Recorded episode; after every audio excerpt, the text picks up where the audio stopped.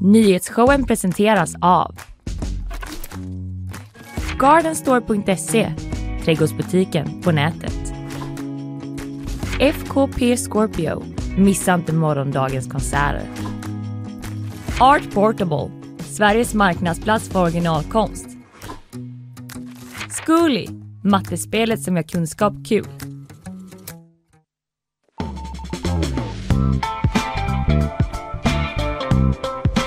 Idag är det torsdag, det är den 7 Yeah! september. Fanny Wijk, god morgon! God morgon! Hur står det till med dig? Eh, jättebra. Hur mår du? Jo då, jo då, det är bra. Det är alltid, eh, man vaknar alltid till på morgonen när man kommer hit och börjar. Idag full transparens. Riktigt eh, mycket andan i halsen på oss två idag. Ja, jag satte punkt precis innan vi satte igång här. Ja. Eh, du, vad ska du snacka om idag? Jag ska prata om en konstutställning i Borås som har stoppats av säkerhetsskäl. Mm, hört om detta, vill höra mer. Mycket rabalder va? Om Det- konsten i vår region nu för tiden. Det är verkligen det. Ja. Intressant. Kulturen lever i allra högsta grad. Det får man säga. Den bränns. Den bränns ja. Eh, Jag ska snacka om eh, Spotify. Där eh, tvättar gängkriminella pengar för fulla muggar enligt en granskning från Svenska Dagbladet. Vi ska gå igenom lite. Det har varit många reaktioner på detta under Ja. gårdagen. Jag har liksom inte hunnit ta till mig det här så jag behöver den här genomgången. Mm, ja, men ja, vi ser det som vår uppgift. Hugga tag i detta som alla inte hinner läsa. Liksom sju olika artiklar om. Japp, Och så så är det. sammanfattar vi lite. Sen får vi gäst idag också. Anja Olaug Jelinek kommer hit. Eh, hon- En matinsta som hon heter på Insta. Ja, Hon är En matskribent på eh, två dagar. ja. Där har vi följt henne. Exakt och har matkonto. Vi ska snacka om eh, bland annat, vi ska lära känna henne lite men också lära, eh, lära känna den nya mattrenden för hösten, nämligen potatis. Potatisen. Nej. Är det Ja. så? Är det den nya mattrenden? Eh, Det finns en spaning om detta. Mm. Eh, sen blir det bakvagn, en lite stel eh, McDonalds måltid mellan Anthony Blinken och Dmitrij Kuleba, utrikesministrarna för USA och Ukraina, ska jag prata om och kanske något om att Indien är på väg att byta namn också. Mhm. Jag ska prata lite om eh, faxen. Tydligen väldigt närvarande i vår region också. Så jag förstod inte vad du sa för. Faxen? What does the fax say? Eller hur? Eh, Ja, spännande. Mer om det sen. Mer om Sjukt det sen. oklar grej och uh, tisa med, men så är det. Ja. Hur, eh, något annat du har tänkt på sen senast? Eh, nej, nej, när var jag ens här? Just det, i tisdags. Mm. Ja, jag har ju frivilligt satt mig här nu för att eh, jag vill att Linnea skulle kunna vara bakis idag eftersom hon fyllde år igår. Ja, vi vet inte om hon är det, men Nej, eh, hon ska, har hon i alla fall möjligheten. Men hon kanske ändå kan typ få en sovmorgon. Ja, hon fyllde ju 30 igår Mm. eh, och eh, fick en Sodastream av oss. Ja, Eller är faktiskt. det ett märke? Ja just man får säga märkena. en bubbelvattenmaskin. Eh, för att hon, det kanske inte alla lyssnare vet, men lite personlig information om Linnea Rönnqvist. Hon älskar bubbelvatten. Hon älskar bubbelvatten men har inga, inte haft något att göra bubbelvatten i. Mm. Vilket är så konstigt. Men nu har hon fått det av oss. Nu har de fått det. Eh, du eh, Fanny, Ja. den afrikanska svinpesten är här. Den lilla vingen igen. Ja, den är Saknat. tillbaka. Ja, ett halvår sedan sist eller mer. Ja. Eh, jo men alltså det första fallet någonsin här i Sverige har konstaterats av eh, den afrikanska svinpesten.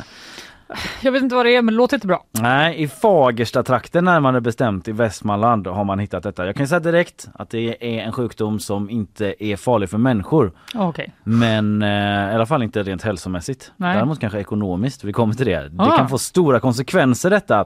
Nej, Eh, inte mer ekonomiska konsekvenser för oss. Eh, nej precis, det var verkligen det sista vi behövde i Ja. det här läget. Eh, men den senaste tiden så har man alltså hittat sju döda vildsvin i den här eh, Fagersta trakten då. Mm. Och nu vet man säkert att minst eh, en av dem då dött av den här afrikanska svinpesten. Det låter ju inget bra Nej, alltså. det gör, Bad det. vibes only. Extremt bad vibes. Eh, och eh, ja men som sagt det är ofarligt för människor då men det som har skett nu eh, det senaste är att man ändå spärrat av då ett större naturområde utanför Fagersta. Eh, lite oklart hur stort men eh, det kommer påverka både tamgrisar och människor säger Erika Chenais som är statsveterinär vid eh, Statens veterinärmedicinska anstalt. Ehm, ja, eh, varför är det här en så stor grej då? Jag har lite varit inne på det redan men, redan men dels så är det ovanligt då förstås. Det är första gången som man får hit den här sjukdomen. Men det kan också då få eh, stora konsekvenser för grisnäringen. Vissa länder kommer stoppa all handel med Sverige direkt Oj! säger Redan nu då? Ståhl. Ja, Det har förmodligen redan hänt då. det vet vi inte men Kanske. eh, det kan vara så. Enligt den här personen. Ja, Karl Ståhl, vem är han då? Håll i det nu. Han är Sveriges statsepisotolog. Nej! Mm, ett nytt ord vi jag får hade lära oss. precis lärt mig. Mm, epidemiolog. nu Eller har typ du... att jag inte ens, jag försökte säga det till dig innan och inte lyckades säga det. Så jag har inte alls lärt mig. Jag har övat så mycket på Stats- säg det statsepidemiolog. Säg det Det här var statsepisotolog. Statsepisotolog. Ja. Alltså det är ju så att vid varje kris så träder ju en ny expert eller tjänsteman fram ur skuggorna för Ja. att kasta ljus på nya problem. Absolut. Vi lär oss eh, nya namn. Det är liksom Anders Tegnell eh, till exempel och ja, Erik Thedéen, riksbankschefen, mm. sånt som kanske inte alla visste innan inflationen vad han hette. Så eh, det kan vi nog kosta på oss att säga. Nu är det Karl Ståhl, statsepisotologen, som eh, lär oss om detta med den afrikanska svinpesten. Eh, han säger det alltså att eh, den här eh, ja, handeln med Sverige kan komma att stoppas då direkt. För eh, det är ju något som man verkligen inte vill ska sprida sig bland tamgrisar detta. Nej. Och då kanske andra länder hellre stoppar handeln helt med Sverige än att chansa på att få dit någon eh, tamgris eller något kött då som Ja. är smittat med detta virus. Eh, men man är ändå väl förberedd på detta i Sverige även om det är helt unikt och nytt. Det finns en beredskapsplan för det här. Wow! Mm. Tänk vad de på olika Vad myndigheter glad man blir. ja, har olika scenarion. Ja. Sitter bara, tänk om det här är helt galna, unika, jätteovanliga händer. Better have a plan. Och så har de det. Och nu sätter man den i verket, säger Lena Hellqvist Björneroth på Jordbruksverket i ett pressmeddelande. Man jobbar med att lokalisera, begränsa och bekämpa smittan. Det är en klassisk LBB. Japp. Lokalisera, begränsa och bekämpa. Och det här är allvarligt säger statsepisotolog Karl Ståhl. Eh, och eh, det är jättehög dödlighet på grisar och vildsvin Nej. eh, för den här sjukdomen säger han. Och det kommer kosta pengar att bekämpa detta. Ja. Statliga pengar, våra pengar. Dessutom kommer det innebära inskränkningar för människor som bor i Fagerstatrakten. På så vis att de inte får gå i skogen och plocka svamp och bär. Det är ju Nämen. säsong nu. Det är ju det bästa svampåret ja, är det någon... i hela våra liv. det kan väl inte und... det kan väl inte undgått någon att Nej. folk är tokiga i att plocka svamp i det här landet. Alltså krönika efter krönika skrivs om ämnet. Precis. Experterna är här. efter reel, story efter story. Japp. På det gula guldet i skogarna. kan bli svårnått för Fagerstaborna då man alltså spärrar av naturområden i trakten för att inte smittan ska spridas vidare. Jag ska komma till hur den sprids. Ja, för nu kanske man undrar nu. Det var lite det jag undrade. Jag förstår att den frågan hänger i luften. Jag kommer Mm. till det. Men eh, den här Karl Ståhl då, eh, som du vet för han är statsepisotolog. Han, Har redan eh, googlat en bild på honom. Mm, han eh, säger att man ändå hoppas då att man ska kunna skydda svenska tamgrisar nu då eftersom man är ganska väl förberedda. Det är ju, förberedda. Det är ju vildsvin Mm. hittills som har insjuknat och dött i detta. Själva sjukdomen kanske man också undrar. En annan fråga som eh, hänger i luften. Vad är det här afrikansk eh, svinpest för någonting? Alltså det är väldigt, tråk det är väldigt tråkiga symptom. Vildsvinen drabbas av feber, blödningar och vinglighet och dör oftast inom en vecka.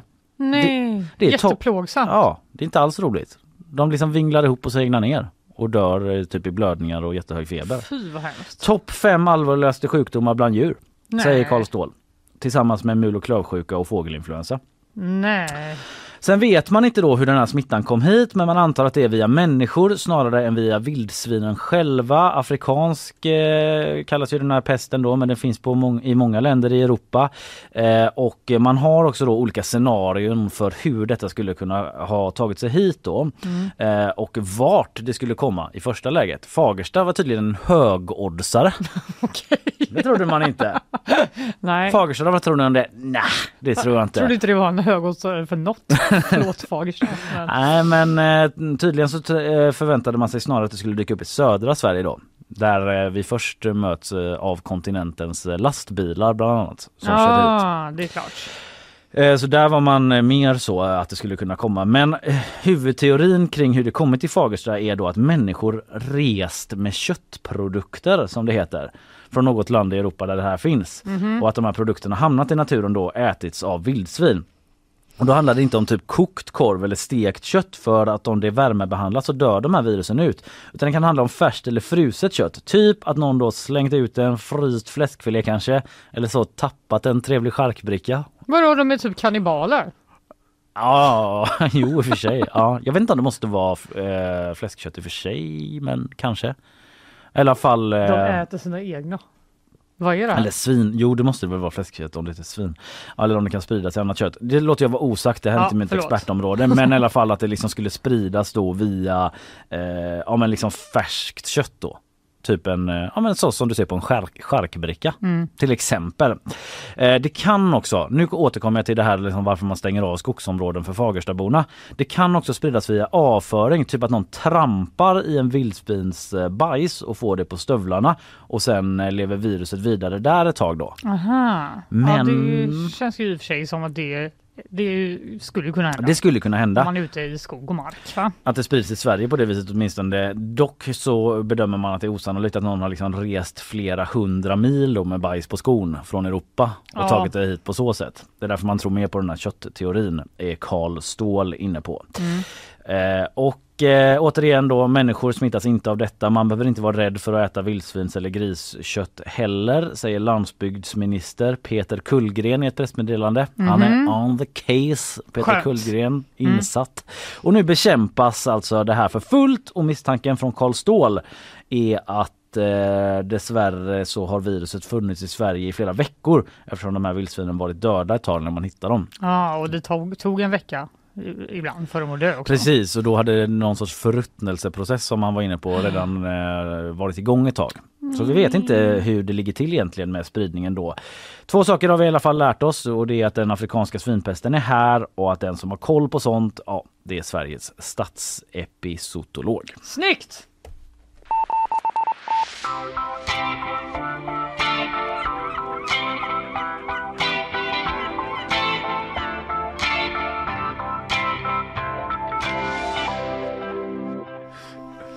Ja men Kalle, precis när Drömmarnas monument eh, hade klabbats ner och förflyttats till eh, Dalsland och Stockholm. Mm. Och vi tänkte att nu blir det väl lugn och ro till kulturnyheterna. Ja, Nej, då kommer det nya breaking news från vår region. För igår så kom då nyheten att en konstutställning i Borås har ställts in. Ja.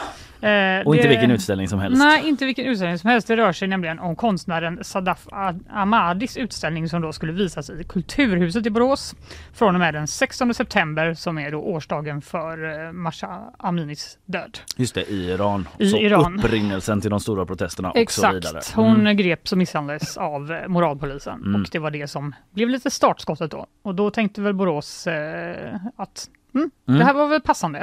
Eh, och jag ska också säga att den här utställningen har visats i Frankrike under våren. Okej. Och då hade Sadaf eh, Amali kontakt med Kulturhuset i Borås som Mm. var så här, vi vill ha den sen.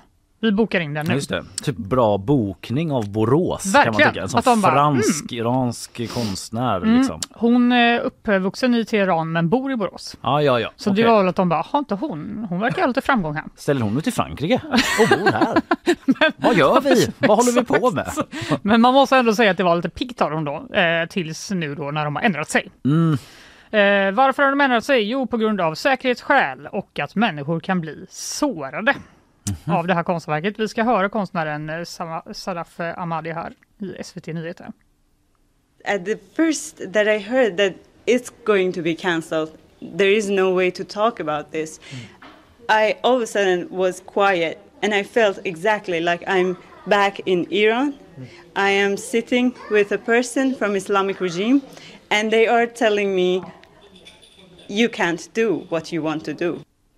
Hon är chockad kan man Mm. ändå säga. Eh, Det här verket då, det består av två delar. Eh, En del eh, symboliserar kvinnor som har mördats av regimen i Iran och en annan del består av då betongöverdragna skulpturer som föreställer kvinnor i heltäckande slöjor.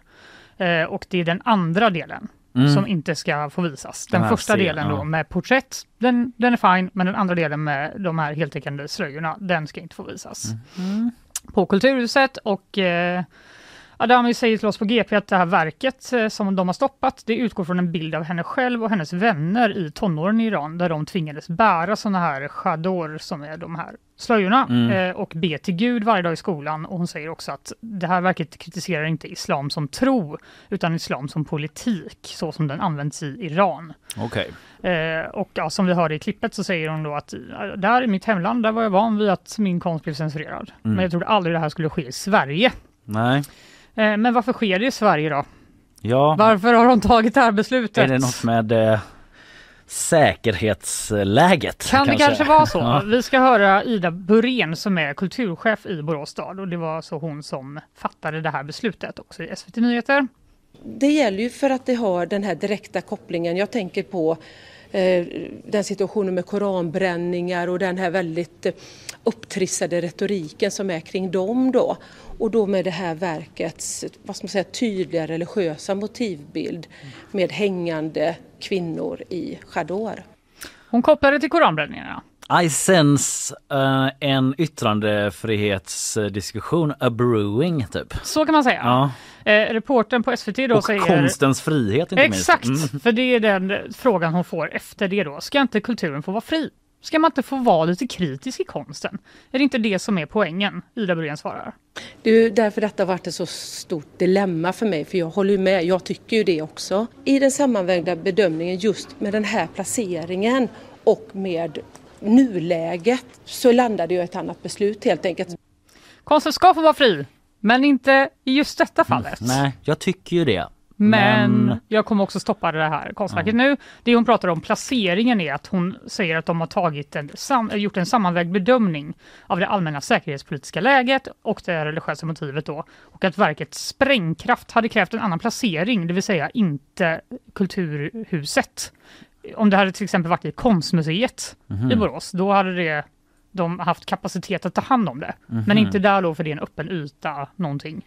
Alltså Okej, det är liksom... Det försvårar det på något Det sätt. försvårar, det är någon säkerhetsavvägning de har gjort då, att vi vet inte, om det skulle hända något här så kommer inte vi kunna ha koll på det på samma sätt. Man undrar ju, nu är det ren spekulation från min sida, men om de har fått någon sorts eh, input från myndighet. Alltså det här är inget bra, som hon inte kan berätta om eller så. Ja, det enda hon säger att det är, eh, det har jag skrivit någonstans men nu hittar jag inte det. Ja, vi men, kan eh, återkomma till det. Det var bara jag som fick en tanke i huvudet. det, men det är ju någon, det är inte hon själv som har gått ut och bara det här nej, sitter det säkert ut utan de har ju gjort en bedömning då helt enkelt. oavsett så kvarstår ju liksom frågan om kulturens frihet eh, ändå. Mm. Eh, och det här har ju väckt eh, starka reaktioner, inte minst vår egen kulturchef Johan Hilton har reagerat på detta i en text på g.se som har rubriken Den inställda utställningen i Borås är en skamfläck.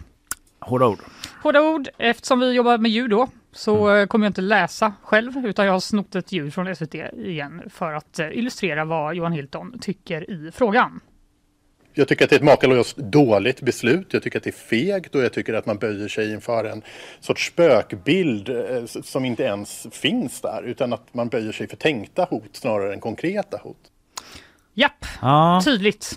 Ja, Han säger att eh, det, det verkar inte, de har ju fått frågan helt enkelt, finns det något konkret hot mot den här utställningen? Och det verkar det inte göra då. det gör inte det. det är en sammantagen då tolkning av situationen Mm, överlag mm. som har lett fram till det här. Eh, och det säkerhetspolitiska läget har ju stramats åt. Så är det ju. Förstår inte Johan Hilton att folk känner rädsla? Jag kan förstå att man känner en rädsla och desto viktigare därför att man visar att man har ryggrad i en sån här fråga. Att konsten fortfarande är fri, att konstnären har rätten att yttra sig och att konstnären har rätt att eh, rikta skarpa, skarp politisk kritik mot en terrorregim. Jag tycker det är en självklarhet. Det är en självklarhet för Johan Hilton. Mm. Det ska man få göra. Eh, det här gynnar inte demokratin eller konsten, menar han. Och även Håkan Broström på GPs ledarsida är inne lite på samma spår. Censuren serier i Borås, skriver han i en ledartext. Mm. En kulturinstitution som inte vågar ta i de svåra konflikterna och beröra komplexiteten i ett mångkulturellt samhälle är faktiskt inte värd sitt namn. Oj då. Det de går hårt, Shots fired Borås. verkligen. Ja men det är väl en sak också då att de just har ändrat sig. Ja, det var de som bokade in det. Ja. Och sen var det så. Mm, Det här går inte längre. Nej. Det kan du glömma. Mm. Eh, och det har också fått lite politiska eh, reaktioner då. Mm. För igår kväll så bjöd Sverigedemokraternas EU-parlamentariker Charlie Weimers in Sadaf Ahmadi att ställa ut det här då andra verket som Mm. inte fick visas i Borås i EU-parlamentet. Okej, är det någon som håller på med islamkritik? Kom hit! Eller islamismkritik kanske? Ja. Ja, eh, han skriver på X. eh, Skulpturerna har ställts ut flera gånger i Frankrike, men i Sverige är det tydligen för farligt och kan orsaka anstöt. Inget, ja, Mm. det, det har vi ju Så- kunnat ja. konstatera. Mm. Han tycker helt enkelt att eh, jag kan ge dig en plats här då i, Mm. i EU-parlamentet. Han står upp för hennes rätt att uttrycka sig. Det gör han. Oklart om det här kommer ske då, men Mm. eh, han har i alla fall bjudit in henne dit och med tanke på all den här kritiken, det finns gott om mer kritik, men jag tänker att ni fattar. Ja, Det här är vad folk eh, verkar känna, många av dem i alla fall. Eh, finns det någon chans att kulturchefen Ida Breen kommer ändra sig i den här frågan, undrar man ju då. Ja, jag kommer stå fast vid det här beslutet i dagsläget. Hon kommer stå fast vid det här beslutet i dagsläget. ja okej. Jag antar att svaret är ja, hon kanske ändrar sig. Ja, Eller så gör hon inte det. det beror på. Vi har en verklighet att förhålla oss till. Ja, Så eller som hur? det lät. eh, Jag vet inte, det var en trend i att säga det. i Vi har en verklighet, det hade hon Mm. verkligen kunnat säga, det hade passat in. Ja. Så eh, det här är i alla fall hur landet ligger nu.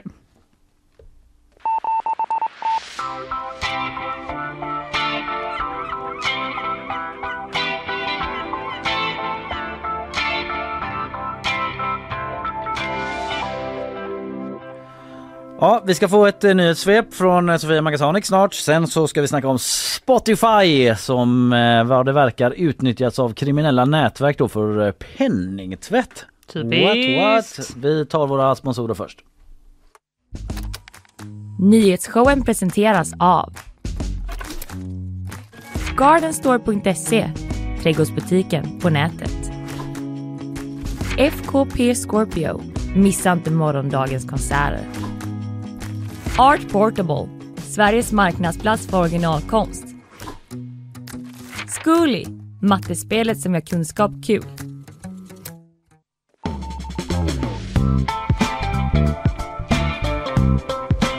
Vi gillar ju också att eh, blicka ut för, eh, mot vad som händer just nu när vi sänder det här programmet som heter Nyhetsshowen och idag får vi hjälp eh, med det av Sofia Magasanik. God morgon Sofia! God morgon! Eh, du ska få eh, ge oss eh, det senaste här från nyhetsflödet helt enkelt. Varsågod! Göteborgsföretaget och elbilstillverkaren Polestar planerar att ge ut en egen smartphone i samband med att man lanserar sin första bil i Kina. Enligt Polestars VD Thomas Ingelath eller Inglat, handlar det om att få bilen att likna en mobiltelefon på hjul. Mobiltelefonen kommer att bära biltillverkarens namn och är ett samarbete med smartphone-tillverkare Jijing Meizu. Två svenskor är nominerade till Ballon d'Or, utmärkelsen för världens bästa fotbollsspelare, nämligen Fridolina Rolfö och Amanda Ilestedt. Fridolina Rolfö avgjorde i våras Champions League-finalen för sitt Barcelona och gjorde tre mål för Sverige under sommarens VM. Och Amanda Ilestedt gjorde succé under VM och blev utsedd till turneringens tredje bästa spelare. Ballon d'Or är den franska utmärkelsen till världens bästa fotbollsspelare och varje år nomineras 30 spelare på damsidan och lika många på herrsidan. Mer skräpmat, alkohol, rökning och övervikt kan ligga bakom att antalet personer som drabbas av cancer innan de fyllt 50 har ökat kraftigt i världen. Mellan 1990 och 2019 ökade nya cancerfall bland personer under 50 år med 79 procent. Samtidigt har dödligheten bland de som drabbas av cancer sjunkit något. Tack Sofia! Skönt med lite positiv knoll på Ja. den där sista. Jag Ja. läste den i morse och bara uh, på riktigt googlade, så, googlade jag hälsosam livsstil. för jag ville veta mer konkret vad det var för det var ett sätt Vad att var det då? Nej, men det var ju typ så. Ja, Ät vad grönsaker, drick ingen alkohol. Ja, Jag ska ät också- inte så fär, processad mat för mycket typ. Jag ska säga vad jag googlade på i morse. Det är hur man uttalar Ballon d'Or och Mm. Jijing Meizu. Ja, Det, ja. ja, två var- språk jag inte pratar. Vad var det du sa om den där mobiltelefonen att den skulle vara som en mobil på hjul? Ja, ja men Varför då? Lite oklart ändå måste jag ändå säga. Lilla skateboard. Vem har liksom efterfrågat det? eh, det, kan, det får ni fråga Gigi Ja, Gnacio. det var väl någon liknelse där, någon symbolik antar jag som jag Nej, men gick det- för mig förbi lite grann. Nej men det är att man ska liksom, det ska vara samma system i bilen som Ah, mobiltelefonen. just Så att jag vet Man inte vill om ha det the full Polestar experience Ja. liksom. Jag kör Polestar, jag scrollar Polestar, jag åker bräda Polestar. Är det så. nästa steg. Drömmen. Ja. Okej, tack Sofia. Vi eh, hörs lite senare. Jajamän.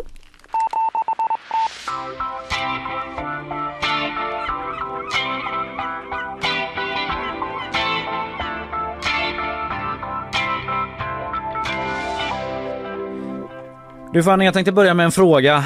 En fråga som ställs i trailern för den här tv-serien om Spotify. Vad är egentligen musik? Rent tekniskt så är det ju en röda ljud som är ihopsatta för att skapa en reaktion i det mänskliga sinnet. Men rent praktiskt är det ett sätt för gängkriminella att tvätta pengar. tvätta pengar. Typ att jag föredrar det. För det var så jävla cringe det första. Ja, det fick jag lite priser på Kristallen den där tror jag. Japp, det blir ett fet nej från mig att kolla på den. Det är som är säkert. Fett ja från gängkriminella att uh, utnyttja tjänster för att tvätta pengar då i alla Ja. fall. Äh, jag ska nyansera detta lite självklart. Eh, det är ju inte bara det som musik handlar om. Nej. Att uh, tvätta liksom blodspengar från drogmarknader. Men Svenska Dagbladet har haft en granskning i veckan som fortfarande rullar ju om hur gängkriminella tvättar svarta pengar genom så kallade fejkade streams då eller falska lyssningar. Mm.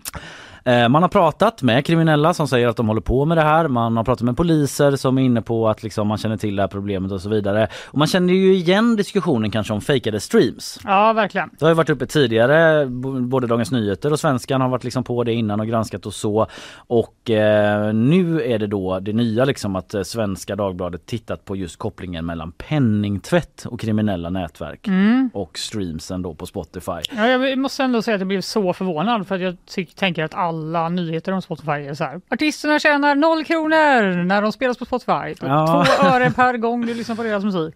Ja men eller hur, Eh, man, eh, det växer en del frågor. Eh, Svenska Dagbladet eh, berättar då om hur ett upplägg kan gå till. Ja. För när man gör detta som kriminell. Mm. Gängkriminella då kommer över pengar via något brott då i första ledet. Kanske drogförsäljning, vad vet jag. Kanske det. De pengarna omvandlas i sin tur då till kryptovaluta, typ bitcoin. Sen används de bitcoinsen då för att betala personer som säljer fejkade lyssningar. Telegrambottar kallas de. Det är inte Mhm. bottar, det är personer men de liksom så här håller till på den appen. Telegram. Telegram, Ja, ja, ja. den meddelande-appen. Just det. Telegram. Och så sätter de igång då och driver in eh, grovt många streams till någon artist eller någon låt då. Och eh, i Sverige motsvarar en miljon lyssningar mellan 40 och 60 000 kronor före skatt. Eh, Mm. enligt Svenska Dagbladets beräkningar. Det är ju inte så mycket om man ska vara ärlig. Nej, Om man, det, tänker, om man inte tänker på de kriminella aspekten utan bara på vad som krävs då. det beror ju också på vad det kostar att betala de här som fixar de fejkade streamsen. För det är ju egentligen den enda utgiften att man betalar dem och så klickar de upp en jävla massa drag.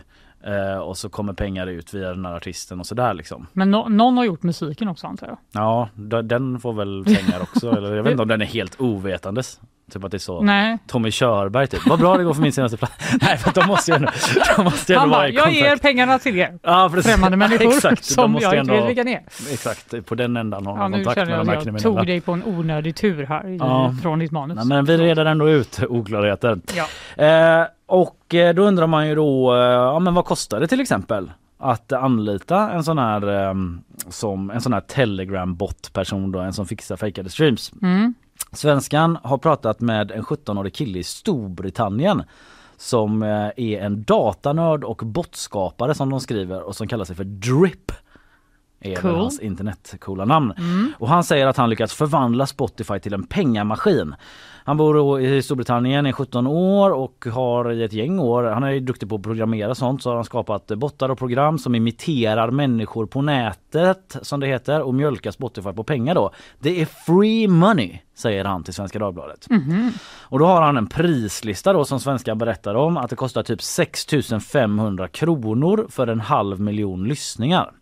Okej. Och då kan det ge runt 40 000 kronor säger han. Vilket Mm. låter lite misstänkt för svenskan för det behövs en miljon streams för 40 000 eh, Ja. kronor enligt deras beräkningar. Men den här Drip då säger att en stor av, andel av lyssningarna sker i Sydkorea. Där han upptäckte att Spotify ger en högre ersättning tydligen. Mm, så det är lite listigt och snillrikt alltihop då. Om man ska tro den här Drip, det är ju han som säger det till svenskan liksom. Men vad har de? De har bara gjort en så skitbra förhandling i Sydkorea. De vi, våra artister ska tjäna skäligt! Världens bästa musikfack där i uh, Sydkorea. Är Nej det det vet jag inte. K-pop ju. Ja, jag vet inte. Det, det Det kan är okej, på. jag förstår det.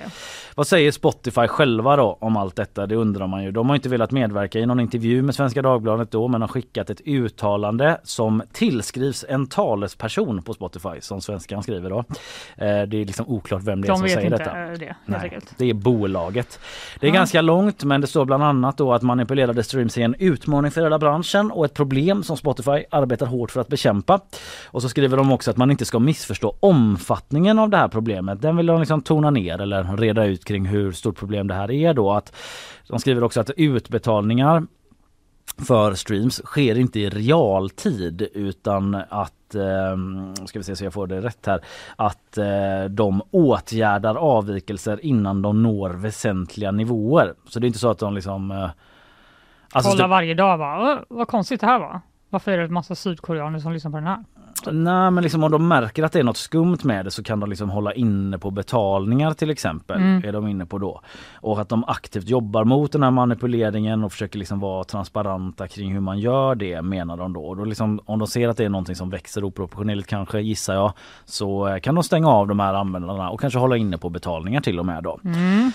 Eh, och eh, ja, att man försöker ändå vara transparenta då kring eh, hur stort problemet är och hur man jobbar mot det då, säger de i det här mejlet som är ganska långt men det är en sammanfattning. Men åter till själva granskningen då. Mm. Justitieminister Gunnar Strömmer han har läst om detta eller informerats om det kanske Mhm. och eh, han gillar inte vad han ser. Han tycker det här är oerhört allvarliga uppgifter säger han Mhm. till Svenska Dagbladet och han förväntar sig att Spotify transparent redovisar vad som hänt och eh, hur man ska täppa till det här då. Oj, det blir uppsträckning. Mm, kravställan Mm. från eh, Gunnar Strömmer. Även Ardalan Shekarabi som är rättspolitisk talesperson för Socialdemokraterna då. Han kräver att Spotify ska lägga alla korten på bordet. Mm. Vad konkret ska läggas på bordet? Undrar Svenska Dagbladet. Ardalan Shekarabi svarar vilka risker som har uppstått med de här fabricerade lyssningarna, hur de har finansierats samt ta initiativ till en oberoende utredning och så vidare eh, om eh, de här uppgifterna. Okej. Så då han vill se en utredning från dem då. Så där ligger väl läget eh, ganska mycket i och med att Spotify inte liksom säger så himla mycket mer om det. Nej. Det är flera artiklar där man kan liksom läsa mer om typ så gängkriminella som berättar om detta, om polisen, om politiker. Tänkte avsluta med en eh, krönika lite ur den från eh, Martin Ahlqvist på Svenska Dagbladet. För han beskriver just det här att det har varit så svårt för dem att få svar från Spotify som Mm. Svenska Dagbladet tycker är liksom tillräckliga.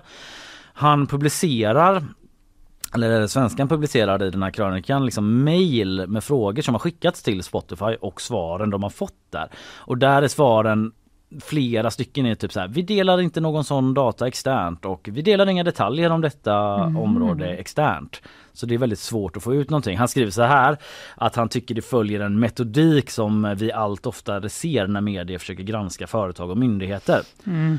Och så tar han upp då att Spotify gick ut på X, tidigare Twitter eh, och skrev under rubriken spekulationer i media eh, och att man liksom där ondgör sig som Martin Ahlqvist skriver då om att SvD använder anonyma källor och att eh, man Mhm. som Spotify påstår då utan belägg bygger eh, upp det här caset på uppgifter som inte stämmer överens med verkligheten och sådär. Fast Spotify presenterade inga bevis Nej, just det. motsatsen liksom. De hade kunnat presentera bevis som sa emot det, men de sa egentligen ville de bara ifrågasätta grunden. Ja, typ SVDs så. Och s- sen fortsätter de att berätta hur oerhört bra allt fungerar på Spotify som Ja, Martin ja. Ahlqvist skriver. och han säger också så här att Störigt. det är lättare för honom att boka en intervju med valfri svensk gängledare än någon med faktiskt inflytande på ett techbolag. Mhm. Så eh, upplever han det. Så vi får väl se om korten kommer ut på bordet om detta eller om Daniel Ek sätter sig med Svenska Dagbladet för en intervju om att gängkriminella rapporteras använda Spotify då för att tvätta Mm. sina pengar.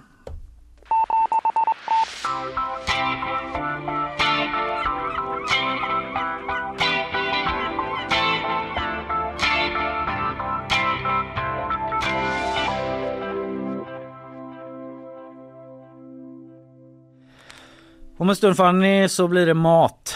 Gott. mattrender vi ska Ja, tala om. okej. Jag Ja, kommer inte gott. bjuda dig på någonting men eh, det är Anja Olaug Jelinek som kommer hit som är matskribent på två dagar och driver mat-insta-kontot En Mat-insta.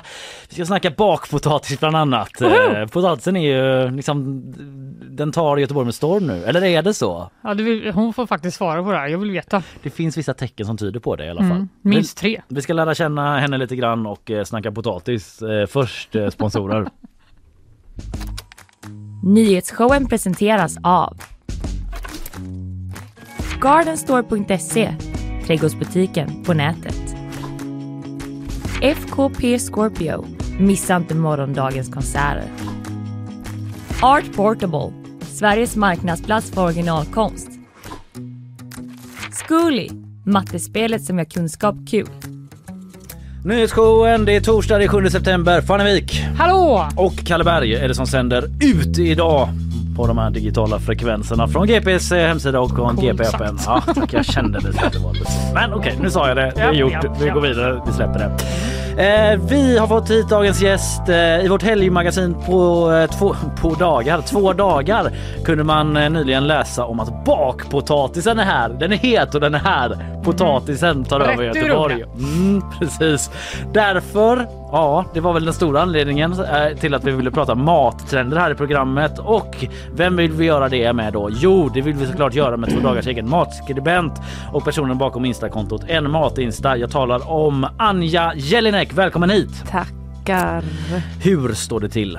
Ja men bra, tack. Mm. Jag eh, känner mig väldigt varm för jag cyklade jättefort hit. Det är ju ändå skönt. Ja, det är kallt här inne. Varm i kläderna. Ja, men det är Mm. faktiskt kallt här inne. Ja. Hoppas inte det blir en chock för kroppen att du liksom kommer med den Nej här men det är värmen in i den okej. kalla Ja, det är okej. Ja. Mm. Skönt, tryggt för alla att veta att du mår fysiskt bra. Eh, Om vi hugger tag i detta med bakpotatisen då. Ja. Vad tror du om den? Är den liksom här för att ta över? Eh, alltså jag rör mig väldigt mycket på, ja, men som du sa, de digitala kanalerna. Ja, som de kallas. ja, som de du. kallas. Och eh, alltså där var ju bakpotatisen ganska poppis för ett år sedan. Fan, det är alltid så när jag ska prata ja, trender. alltså det var lite så 2022. Men, Göteborg, eh, varför är vi alltid så sega? Ja men precis. Och då, först tänkte jag så här, nej men det är Göteborg, att det är vi som är sega och inte sätter trender då. allt? Mm. Men Som sen när så- Poke Bowl kom för typ ett år sedan. Exakt. Stockholm Till bara, Göteborg. Hallå! De var 2015. Verkligen. Det det är var så så jobbigt pinsamt. att de ska få rätt med den grejen. Jag vet, jag Ja. skämdes så mycket av att bo här då. Men just med Ja. mat är det väl lite så. Mm.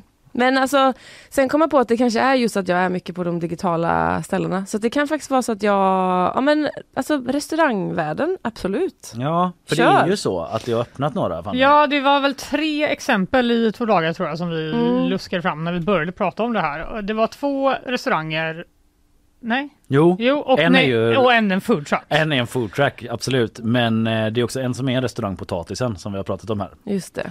Och sen är det ett till ställe på Andra Långgatan Mm. som eh, liksom kör på potatisspåret. Alltså potatis är ju väldigt trendigt, eller har ju varit det ganska länge nu. Alltså så att man bara gör allting på potatis typ. mm. Det kom ut en kokbok eh, för något år sedan som bara handlar om potatis. Mhm. Och så finns en kock i England som bara har kört potatis i typ två år.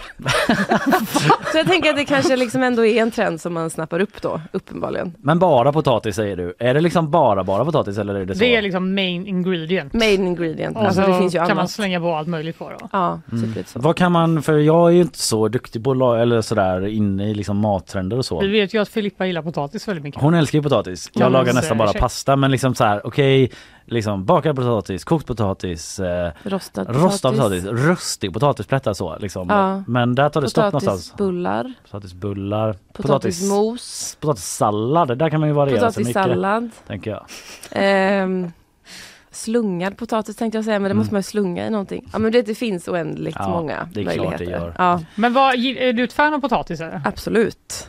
Vad- Speciellt när de är sådär Alltså oavsett vilken form, så länge de är så här krispiga på utsidan och mjuka på insidan så blir man ju så himla lycklig. Mm. Mm, det, det, jag blir lite hungrig nu faktiskt. Ja. Vi pratade om det här på redaktionen, det var väl Karl tror jag, jag hoppas jag inte creddar fel person, men vår producent eh, som pratade om att eh, om det nu är så här trendigt med potatis då, liksom, Ja. det verkar ändå vara det lite grann eh, och men däremot i mataffärerna att det ofta bara finns typ en sorts potatis. Ja. Att det är lite konstigt att man liksom inte har plockat upp det här potatisnörderiet. Jag gav mig in i det där en gång för att jag tänkte när jag läste på lite om potatis, jag fick ett sånt litet potatisskov då. Mm. Och då, Som man får. ja men du vet så börjar man läsa på potatis och då finns det ju så jäkla mycket olika sorter. Att det är Ja. så här, ja men folk är så nördiga. Så här, ska du rosta den, då är det den här enda sorten som är bra. Ja. Och sen insåg jag när jag gick till butiken att det fanns ju ingenting. Ja, det finns så- fast potatis, mjölig potatis. Ja, Möjligtvis typ bakpotatis. då. King Edwards tror jag Mm. den oftast heter. Mm. Och då slutade jag med skor för jag orkar inte anstränga mig mer. Nej, Nej, vad ska man göra då liksom? Ge sig ut i landen, potatislanden? Alltså jag tänker bara köp den potatisen som finns och så blir det bra. ja, det är Ja. väl det man får göra helt Ja. enkelt. Ja, jag tror det. Ja. Men vi ska inte fastna i potatis, vi har lite andra frågor också. Men vi. bara om du får säga det, ett, ditt godaste recept med potatis som du tycker man ska satsa på nu då. Ja men eh, det är, ja, det är, det är fan ett jävligt bra tips. Alltså det är att koka potatis, förkoka i typ, eh, man har en liten sån nypa med bakpulver och salt. Jaha, För då händer någonting med stärkelsen och det är stärkelsen man vill åt för att det ska bli krispigt då. okej. Och så kokar man det så kommer stärkelsen ut lite och sen så rostar man det med jättemycket olja i ugn och då blir det så jäkla krispigt.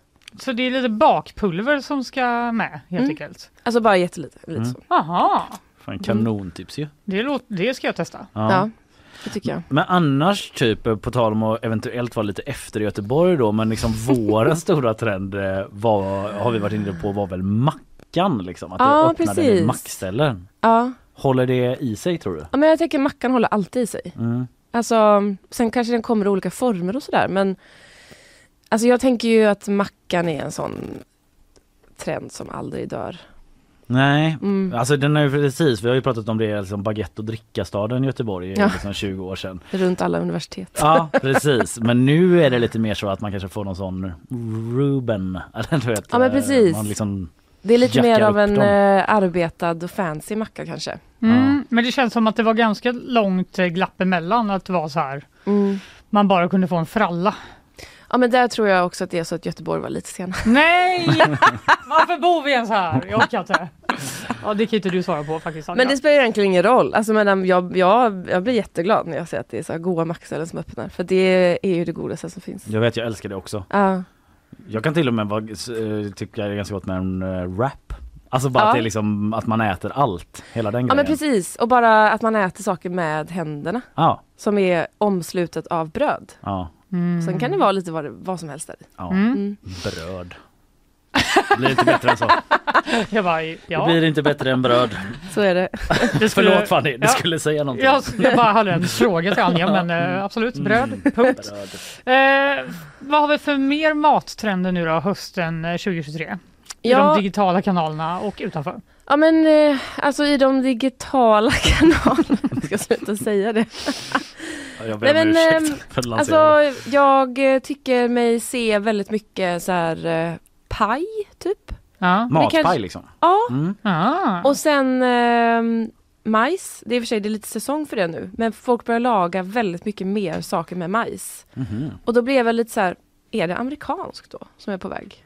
Ah. Ehm, och att det också är ganska så här, det är ganska maffigt, alltså väldigt så, hur fan ska jag förklara det? Men ehm, tänk lite så Thanksgiving-middag som man har Mm. sett på film några gånger. Men är det Men liksom... typ smör och cheddarost och... Ja men eh, lite så.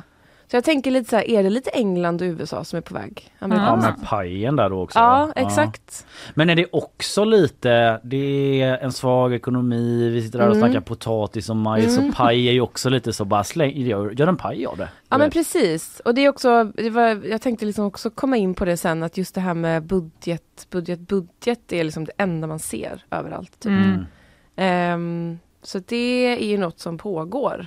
Får du mycket sådana liksom, förfrågningar av dina Ja, följare? Det får jag. Billig mat, alltså höst. Ja, billig mat. Alltid billig mat. Ja. Och jag tycker väl att jag egentligen lagar ganska billig mat. För jag lagar ju bara vegetarisk mat. Så det Ja. blir inte så. Ja, men lite on that note, vad kommer vi inte äta i höst? Är det ute med Ehm, en köttbit liksom? Ja, alltså jag tänkte lite så här trend 2024 typ. Nu är, nu är vi ju liksom inne i budgettider fortfarande. Mm. Och då tänkte jag så här, oj men tänk vad trevligt ifall vi kanske slipper tänka så extremt mycket på budget. För att man kanske inte behöver det längre. Mm.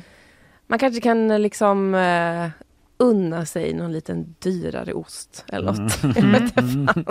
På sin majs. Ja, på sin Mm. majs, ja, Ja. absolut. Den passar ju väldigt bra. Men eh, jag tänkte också på det här med köttgrejen. Mm. Alltså jag har väl någon förhoppning om att eh, vi kanske typ under 2024 inte äter så mycket kött. Mm. Och, kanske, och kanske också typ eh, undersöker lite möjligheterna att så här, eh, äta typ havregrädde istället för kanske grädde. Mm. Alltså äta Mhm. mer saker som kommer kanske från växtriket. Mm. För att det börjar nämligen komma väldigt mycket sak, eller väldigt mycket produkter som är väldigt, väldigt bra och väldigt goda. Det har Okej. funnits ganska många produkter som inte alls har smakat eh, eh, överhuvudtaget ätbart, tycker jag. Mm. Nej.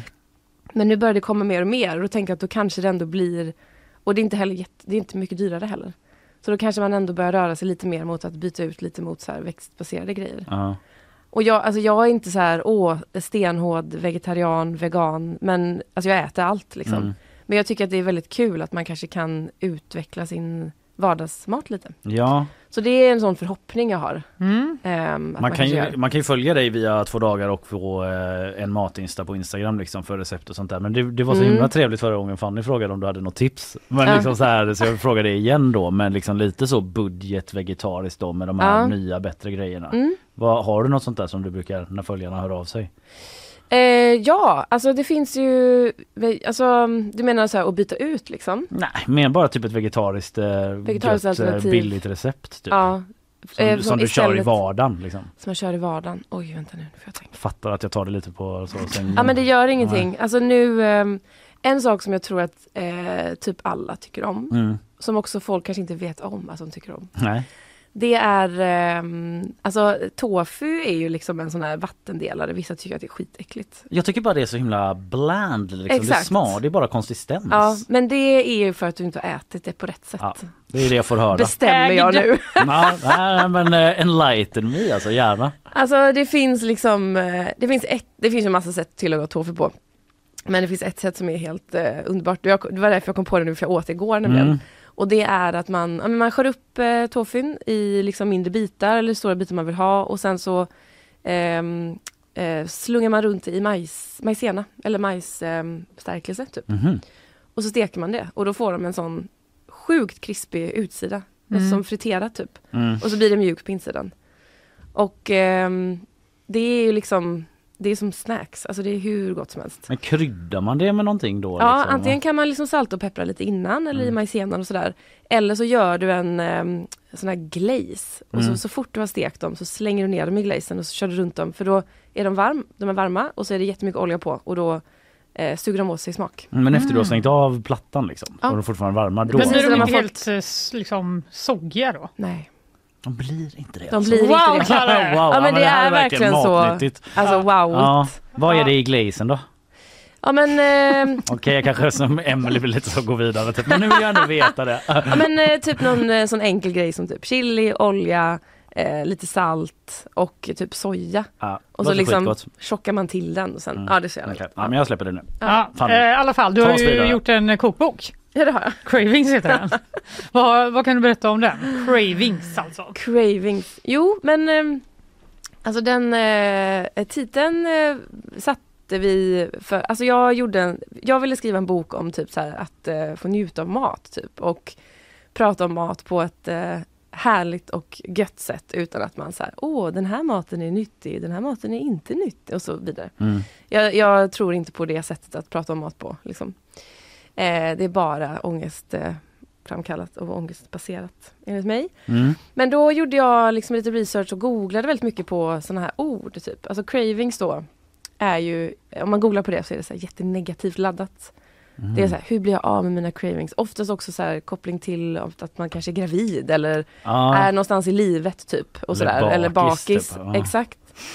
Och då blev jag liksom så irriterad på det för att för mig handlar liksom, alltså på svenska är ju cravings typ ett sug liksom. Mm.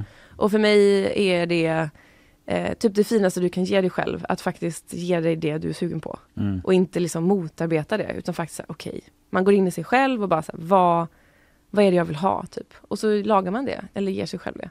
Mm. Om det är en bra craving i alla fall, om det inte är typ så sig liksom. Ja precis, men det är ju inte mat. Så Svårt jag att ha i en vi- kokbok. Sant i och för sig, där fick Ja. du mig igen. Tänd Ja. en cigg. Ja. Börja med det. Ja men okej, chips då, det kanske inte heller är mat då. Nej, Nej. jag backar igen. Och där har tänker jag att man får liksom ha sitt egna ansvar. Så här. Mm. Om, man, om man kanske ständigt är sugen på chips i en månad i sträck så kanske man ändå får tänka, "Ja, men jag kanske ändå behöver göra någon omställning någon annanstans. Jag kanske har en brist Mm. i min kropp på något sätt. Precis. Och det är på Exakt. tal om att jag googlade, googlade en hälsosam livsstil i morse. Ja, Du har avslöjat så mycket om dig själv utan att tänka att du ska göra det. ja. Men eh, det låter ju ganska härligt tycker jag. Vad, Ja. vad har du själv, har du några cravings som liksom återkommer? Ja men det känns som att mitt liv är baserat på det. Alltså Mm. det enda jag tänker på hela tiden är ju mat och typ så här, vad är jag sugen på? Och jag har, jag har till och med behövt jobba på att så här, för nu, nu liksom jag, ja men jag jobbar ju liksom typ heltid och har barn och sådär. Så att jag, jag, kan, jag kan inte eh, äta det jag vill varje dag, för jag hinner inte det. Nej. Innan var det ju så här, typ när jag pluggade, så bara, "Ah, vad är jag sugen på idag? Kunna sitta och tänka på det typ en Mm. halvtimme. Och sen gå i lugn och ro och handla på typ Coop eller så här, Mm. Ica eller vad, Hemköp eller någonting. Och sen så bara lagar jag det varje kväll. Så fick Mm. jag äta det jag var sugen på varje dag. Ja. Det kan jag inte göra längre. Så jag har fått jobba bort mitt behov av att eh, mätta mina cravings. Men, ehm, nej men jag, ehm, återigen typ det här, pratade det här om trendgrejen. Alltså en sak som jag är ständigt sugen på, det är eh, majs. Även innan du spådde det? Även innan jag spådde Men det. snackar vi liksom kolv eller korn eller allt bara? Nej men kon, alltså jag såg en bild på Instagram då för några dagar sedan som golvade mig och det var någon sån här, ehm, alltså det var typ eh, eh, majs som var, vad säger man, eh, stuvad tror jag. Mhm. Aha. Alltså, eller det såg ut så, men det var, det var liksom någon sån här lagrad ost i. Alltså det var en sån krämig grej med majs och så var det typ jalapeno på. Och så var det också att de åt typ eh, kräf, alltså kräf, grillade kräftor till. Oj då. Mhm. Och då kände jag, det vill jag också äta. Mm. Det vill jag Och- också äta nu. Ja. Eller Som om man typ händelse. eh, toppar det med så här krispiga kantareller. Typ. Det har jag tänkt på sen dess, inte lagat än. Nej. Mm. Så det går jag faktiskt runt och tänker på varje dag. Men Vi får se om det dyker upp på ditt eh, Instakonto då Ja. inom en eh, snar framtid. Exakt. Mm. Mm. Ja men eh, du eh, pratade ju om där på tal om boken liksom med typ hur man pratar om mat och hur Mm. man skriver om mat och du vill liksom skriva en sa du typ så här positivt om mat att det inte ska vara så jävla mycket Ja, själva så här matfokuset liksom. Ja. Att så här, Ja, men jag tänker, för det står om din bok liksom att den handlar om din relation till mat och Ja. eh, att liksom tidigare att du har haft en eh, mindre bra relation till Ja, mat. exakt. Visst är det så? Ja. Alltså för mig var det också då, jag, alltså jag hade ju, fick ju ätstörningar när jag var typ 12 Mm. och hade det fram tills, ja men nästan i tio års tid fram och tillbaka och sådär. Och för mig är det ju, alltså då när man är sjuk då i ätstörningar så blir man ju väldigt besatt av mat. Extremt besatt av Mm. mat. Och jag var ju, innan jag blev sjuk så var jag också väldigt intresserad av mat och har alltid varit det. Typ. Jag började laga mat när jag var typ nio för att jag förstod att om jag lär mig att laga mat så kan jag äta vad jag vill hela tiden. Ehm, och sen, eh, så för mig har ju de världarna alltid hängt ihop, även efter att jag blev frisk typ och innan jag också blev typ sjuk. Ehm, så att jag känner inte, jag, jag kan inte liksom prata om mat och matglädje utan att faktiskt också prata om de andra bitarna. Ehm, för att jag har ju liksom någon slags eh, filosofi av att så här, ja men man liksom, man ska inte fokusera så mycket på sin kropp, alltså hur den ser ut, utan man ska fokusera mer på hur den känns och att man också ska äta det som kroppen säger att den vill ha och liksom det man är sugen på och handlar också såklart om njutning liksom. Mm. Och få leva ett gött liv typ. Mm. Ehm, och ehm, då, då, då känner jag att då behöver jag också dela med mig av den här andra sidan som har fått mig att komma fram till det. Mm. Och dela med mig av de här andra perspektiven som handlar om eh, hur snett det kan gå eh, om man ser till hur, eh, ja men delvis hur våra normer i samhället ser ut och hur vi faktiskt tänker jättemycket kring mat och hur alla är uppväxta med tankar om dieter och liksom så här. Eh, man ska, och det, alltså den kulturen vi har kopplat till dieter och liksom eh, att man liksom ska äta och se ut på ett visst sätt. Det handlar ju jättemycket om utseende. Att man ska försöka Mm. passa in i någon form av utseendemall. Mm. Och vi alla är ju byggda på olika sätt. Så det Mm. går ju liksom inte att alla ska... Så det blir bara en jättedestruktiv eh, ett destruktivt sätt att se på sig själv. Typ. Mm. Men för du var ju också med i ett reportage i GP i våras där du Mm. och andra matinfluencers eh, pratade om eh, liksom, sociala medier, ätstörningar och mat på sociala medier. Ja. Och där framstod det ändå som att det är inte helt ovanligt att just matinfluencers har haft problem Nej. med mat eh, tidigare. Mm. Varför tror du att det är så? Alltså, jag tror krasst, jag tror också att det är, väl, det är väldigt stor majoritet av mina följare som också har haft det. Mm. Okej. Och majoriteten av mina följare är ju kvinnor. Liksom, Mm. I typ min ålder, lite yngre och lite äldre. Ehm, och jag tror rent... Oj. Där tappade jag rösten. Nej men jag tror rent krasst att det är väldigt vanligt eh, bland oss eh, kvinnor. Alltså jag tror faktiskt det. Mm. Och Ja. sen, Och en del av de kvinnorna blir matinfluencers. Ja, men att men det mer, typ. snarare handlar om kvinnor i stort. ja jag Ja, tror det. Mm. Men eh, så det är ju skitdeppigt då. Ehm, men ehm, sen tror jag också att mång, jag tror att den här besattheten man kan få av mat när man är sjuk i det. Det handlar ju liksom om att man hela tiden eh, dras mellan, det är ju klart det är jätteolika för alla och vilken form av liksom ätstörning man har men man dras väldigt mycket av att det här, ja men liksom det är liksom en hat och hatkärlek hela Mm, tiden. Mm. Ehm, så att eh, jag tror att när, eh, det är ganska vanligt att man kommer ut från en ätstörning och faktiskt eh, förhoppningsvis kan njuta av det sen. Eller Mm. faktiskt, eller så här, man, har, man får en väldigt nära relation till fenomenet mat när man Mm. har varit sjuk. Och det hänger ju kvar även när man blir frisk. Och nu då när du jobbar med detta, skriver om detta, Ja. lägger upp grejer för detta, liksom, så där, att, kan du liksom känna några ord för att liksom bli triggad in i någonting eller har du liksom Nej. landat på en bra plats nu? Nej, nej, alltså nu, det, det är som en motreaktion mot att bli triggad typ. Ja, Ja. Alltså ja, det är bara jättehärligt. ja, ja underbart. Ja, eh, vi eh, pratar alltså med Anja Jelinek då som är matskribent på Två dagar, vårt eh, helgmagasin på GP och har instakontot en matinsta. Där man kan få en jävla massa bra tips på Ja. rätter och grejer och det har vi fått även idag. Ja. Mm. Gud vad glada vi är för det. Ja. Är man hungrig så kan man ju gå in där och Japp. Mm, precis. Eller vill man bli hungrig kan också. Exakt. Eh, Anja, tusen tack för att du kom hit idag. Ja, tack för att jag fick komma. Ja, vi ses och hörs. Ja.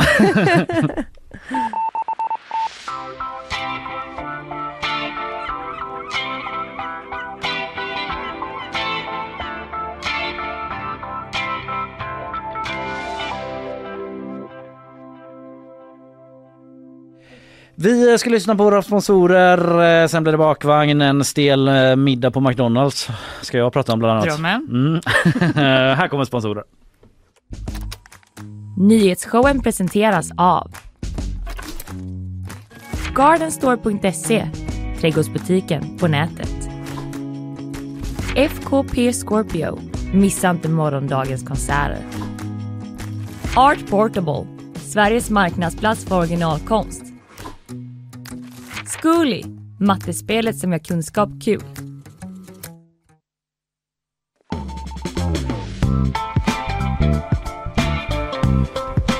Vi behöver eh, få lite utblick från studion. Vad händer i omvärlden? Sofia Magasanik är här. Eh, Fråga nummer ett. eh, Är du hungrig? Absolut, det var jätteintressant att lyssna på. Ja, Så att, eh, ja. jag det tyckte är, också det. Det är långt till lunchen tyvärr. Ja, eller hur? Det är inte långt till ny... Eller nej, det är ju... eh, Vad, ska, vad, vad har du med dig? Precis, vad ska vi prata om? Ja, eh, jag bad om ursäkt för franska och kinesiska uttal. Nu ber jag om ursäkt för spanska uttal. För vi ska prata om nästa del i Spaniens vinst i VM. Det är inte klart än. vad som händer. Han- historien. Ja, Jag bara, va? Var det det det handlade om? Har glömt att de spelar fotboll. Ja men lite så. Men eh, nej, men nu har det hänt en egentligen orelaterad grej men det, är liksom, det fortsätter ju hända saker som inte egentligen har med fotbollen och deras liksom, ja, men vinst att göra. Och det är ju då att spanska regeringen ska dela ut en hedersmedalj, Royal Order of Sports Merit, till landslags, eller ja hon är då hyllad, landslagskaptenen Ivana Andres vill man hylla med den här medaljen. Men namnet de skrev var istället dokusåpakändisen och influencens Ivana Icardi. Nej, men. Ja, eh, har inte med kyssen att göra, men ändå. Ja, det är ändå inte så eh, liksom smickrande uppgifter för det här redan liksom misogynanklagade förbundet. Ja, nej men som ni säger att så här, tänker man liksom, ja men det är klart att vi tänker på att de, att de vann, men ändå liksom det händer lite för mycket och nu Mm. också att de liksom blandar ihop en dokusåpakändis. Ja. Eh, inget fel med det, men med en landslagskapten. Men de har liksom skri- graverat in på det här priset typ? eh? Nej, det var, tack och lov så var det inte det. De har uppdaterat den här listan då med rätt namn. Ah, okej. Mm. Men, eh, men eh, ja, de säger att det var den mänskliga faktorn, Mm. ber om ursäkt och de djupt ångrar det, listan är uppdaterad. Ja, Mm. men liksom det har ju hänt och det skrivs om det och alla vet om det. Ja. Och just att liksom Ivana Andres skulle hyllas, det, ja, det kanske har tappat liksom Ja. den lilla, den, ja, den glädjen som det kanske skulle vara. Andres och Icardi, det är inte så att det är liksom nästan samma namn heller. Jättekonstigt är det. Ja. nej men man tycker det. Och sen så inte nog med det, men mittfälten eh, Aitana Bonmati, hon fick också sitt namn felstavat på samma lista. De måste ju liksom tajta till jobbet på Ja, förbundet liksom- där. De har liksom inte råd med det här nu. Nej men kom igen då liksom. Nej men, men i det här, och nu backar man lite till kyssen, men det, ja, eller liksom den skandalen, den händelsen, men det finns faktiskt en positiv nyhet i det här ändå. Mhm. Eh, och det är ju eh, den, ja, den positiva nyheten är väl kanske inte att eh, Jorge Vilda har fått sparken då, eh, förbundskaptenen för spanska damlandslaget. Men en första kvinnan på posten har ju tagit över nu och det är, ber om ursäkt för uttalet, Montserrat Tomé. Okej, Så ny landslagstränare är hon alltså? Ja Mm. precis, eh, förbundskapten för Mm. spanska damlandslaget. Så att i allt det här liksom haveriet som har varit i Spanien i samband med det här, och Spanien ses ju ändå som en fotbollsnation, Ja. Så finns det i alla fall en, en positiv nyhet förutom VM-guldet. Ja, Sverige ska ju möta Spanien snart i Nations League här i Göteborg. Ja. 22 september. Det Wow! kan nog bli en del eh, rolig rapportering eller intressant rapportering därifrån. Ja, Från Ja. presskonferenser och dylikt där sporten lär väl eh, höka över spelarna. Ja, men man, får, det kan man nog tro. Va? man får väl bara hoppas att vi liksom i svenska journalistkåren inte gör någon typ av fadäs i allt det här. Nej, Liksom. det ska vi det nog klara av. Ja, Vi blir kända. Ja, nej. Spanien. Spanien. Vi behöver inte vara med på de här listorna av liksom allt dåligt som har hänt. Nej, nej vi, det ska vi nog eh, reda ut tror jag. Eh, tack Sofia. Tack. Eh, vi går vidare.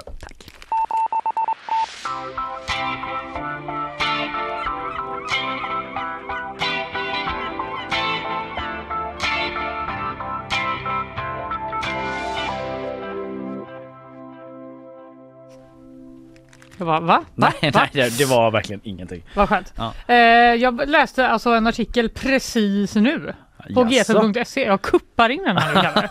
För att den fick mig att Det låter som att jag vill ha total kontroll över allt som sägs. Vad ska du prata om idag? Nej, men eh, den handlar om svenskarnas drömjobb. Okej. Mm, och eh, jag måste ändå säga att nummer ett på den här listan om svenskarnas drömjobb fick mig att haja till. Är det influencer? Nej. Ja, du kan ju gissa då. Influencer är, det är fel men det är inte liksom helt fel. Nej, okej. För full, eh, full eh, disclosure här så är det 2400 personer som har deltagit då i en arbetslivspanel. Eh, och där är, det står så här, när svenskarna får, eh, svenskar fritt får välja sitt drömjobb där man bortser från realiteter som lön, anställningstrygghet och arbetstider Ja, okej. framstår, då kommer den här eh, topplistan då som är lite otippad. Eh, nummer ett, äventyrare. That's not a job. Eller så här. Ja men då, då kan man säga så här, världens skönaste kille. Typ. Eller du vet, det är mer... eh, Jag drömmer om är det att få ett vara... jobb liksom? Det är ju extremt oklart. Den här listan är faktiskt ganska dum om jag får säga det själv. Vilka är det som har tagit fram den? Det är Demoskop, Ja de är något sånt jag. eh, Mm. Work-Life från Manpower Group Okej. som Demoskop har gjort en undersökning för då. Mhm. Eh, Så drömyrket för svenskarna är tydligen äventyrare då. En yrkesbeskrivning av äventyrare är en person som drivs av att testa sina gränser, framförallt fysiskt och göra det utomhus. Sneglar runt i det här rummet. Känns inte liksom så äventyrskompatibelt. Och då blickar jag ändå på mig själv givetvis. En äventyrare kan jobba som guide vid extrem utförsåkning, som glaciärinstruktör eller som expeditionsledare. Varför skulle det här vara ett drömjobb för någon? Alltså det låter ju helt fruktansvärt. På riktigt. Sen då, eh, tätt, tätt. Det är bara lönen som hindrar mig. Från att liksom fara fram på en jävla glaciär. Men det är också att, att man ska ha sitt drömjobb när man bortser från lön, anställningstrygghet och arbetstider. Ja. Och Ja, det är ganska realiteter. Så det. Ja. För att jag menar en realitet som jag hade velat bortse ifrån då är att det är jättekallt på en glaciär. Typ. Får man bortse från det? Typ, och att man förmodligen kommer dö. ja. Och typ kanske döda andra människor som man ska då ta med sig dit. Nej men tvåa på listan är då diplomat. Då är det plötsligt Jaha. bara Då ett helt vanligt jobb. Jättemycket ansvar typ. Ja, så himla konstigt. Det är verkligen min dröm att få för att liksom hantera en jättekänslig fråga mellan Sverige och Iran. Typ. Ja exakt bara. Va? I have no, jag har ingen kompetens. Det är ju bara att de vill kunna parkera överallt. Ja, just de vill det. vara diplomater. Men då antar jag att liksom, eftersom man inte tar hänsyn till eh, realiteter då att man automatiskt är skitgrym på det jobbet. För då kan jag fatta det liksom om man är så Ja, just det. världens bästa diplomat. Ja, om man bara känner det i sig och det är mitt kall. Ja, för att om jag här och nu skulle bli diplomat i Kina liksom. Mm. Det hade inte blivit så bra. Det är ju liksom Nej. en dips typ. Ja men det kanske är att folk har typ kollat på för mycket sånt Ja. tv. Hur gamla är de som har liksom svarat på det här undrar man ju. Det låter ju lite som tioåringar. Ja det gör det verkligen. Mm. Men det står tyvärr inte eh, här i den här texten. Men eh, nummer tre då är skådespelare. Och det kan man väl fatta. Och den är ju lite mer eh, väntad på något Ja sätt. det är så här, ja det verkar väl kul. Jag tycker det verkar vidrigt personligen. Men eh, ja, sen är det lite klassiska. Djurskötare. Mm. Det måste vara barn som har svarat på den här. Ja, det sa jag när jag var liten att jag ville bli. Underrättelseagent. Ja. slash spion. Att till exempel bo tio år i Ryssland undercover och ibland så någon gång i halvåret smuggla ut jättelite industrihemligheter från något Vem kärnkraftverk. fan typ. har det som dröm? Jag vill bli Mm. spion. Ja men det är för att man förstår inte vad, hur tråkigt det är att vara spion på riktigt. Jag tycker det verkar jätte, jättetråkigt. Mm. Sen är det lite musiker och konstnärer. Ja. Okej. Ingen realitet ska Ingen- tas i begrunda.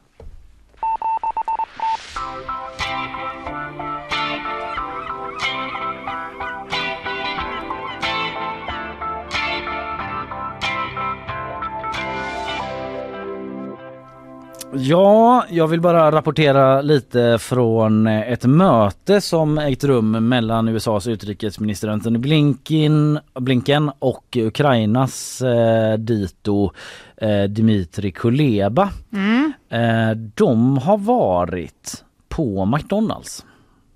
Okej. Ja, det verkar ha varit någon sorts eh, press eh, tillfälle. Det är massa journalister där liksom och filmar och så och eh, jag har inte egentligen så mycket liksom hårda nyheter från det. Nej. Utan jag har mest lite ljudklipp från deras möte tillsammans. Alltså de har ju självklart diskuterat jätteviktiga saker.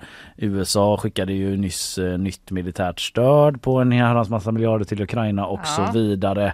Eh, och eh, ja, det pratade de om. Men de eh, pratade liksom också lite ledigt sådär som man gör. Man bara försöker konversera på det mänskliga planet. Mm. Jag tycker det här är bara en, en illustration över att även om du är, de är inte diplomater då men liksom ändå i den sfären där man ska ändå vara duktig på att hantera människor och Mm. liksom mingla runt. Att Mm. det kanske inte alltid är så liksom lätt Nej. att få till ett flytande samtal som eh, ja, ja du förstår. Vi kan lyssna lite. Det börjar med att eh, de eh, diskuterar pommes. Man pratar om maten liksom. Ja, Du ja. man kommer inte Vad på så ska man mycket. Så, göra? ja, då pratar man om maten.